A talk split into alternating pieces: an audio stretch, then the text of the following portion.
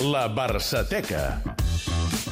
A la Barçateca d'avui, un dels nostres personatges eh, preferits, eh, Joan Gaspar i Solves, vicepresident del Barça i després president, i sobretot home poliglot. Eudal Serra, bona tarda. Bona tarda. Això sembla, com a mínim pel que recordarem avui. Va ser el juny del 2001, llavors Joan Gaspar ja era un vicepresident, com tu deies abans, ja era president del Barça, just s'havia complert la seva primera temporada al capdavant del club, i en aquella època, mm, un juny com ara, tenia per costum, i això em sembla que ho sabeu bé tant tu com la Sònia, Sí, que sí. feia aquells esmorzars, conferències de premsa sobre Començaven a les l'actualitat 9 del del club. matí i podien acabar tranquil·lament a la 1 de la tarda. El que, el que van ser... Aquells esmorzars van ser l'epíleg del que després va ser un programa de tele a Venezuela que es deia Lo Presidente, que el feia Hugo Chávez i podia durar 6 hores. Sí, sí, O sigui, i mm, el precursor devia ser Fidel Castro, després Joan Gaspar i... Sí.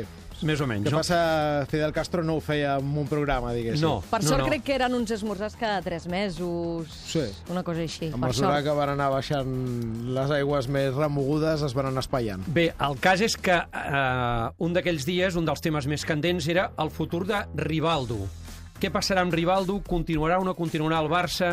Els mitjans de comunicació anaven plens aquells dies d'una possible sortida a traspàs del brasiler a un altre club, preferentment a Itàlia. Doncs bé, Gaspar, que sembla que estava una mica fart de que li preguntessin sempre el mateix, va respondre d'aquesta manera, atenció, quan li va preguntar un company Rivaldo se n'anirà del Barça? Solamente me queda decirle chachuchi. ¿Me ha entes- me entendido? ¿No me ha entendido? Pues mire, eh, le voy a traducir porque como ya lo he dicho en todos los idiomas, pero en este no lo había dicho, pero me lo he aprendido. Esta mañana he estado toda la mañana, desde las 6 de la mañana, cómo se dice en chino, Rivaldo no se vende. Y al final me han dicho que se decía así, pero no lo puedo repetir ya porque no me acuerdo. Doncs bé, uh, des de les 6 fins a les 9 que devia començar l'esmorzar practicant el xinès... No sé quina part de Chung Ching Chua Chi hi ha Rivaldo. Cap.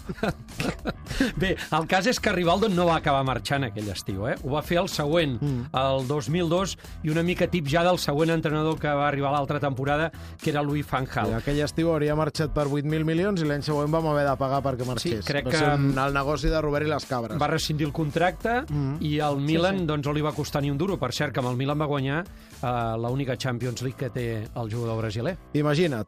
Joan Gaspar, Chung Ching Chua. Uh, Eudal, gràcies. Adeu.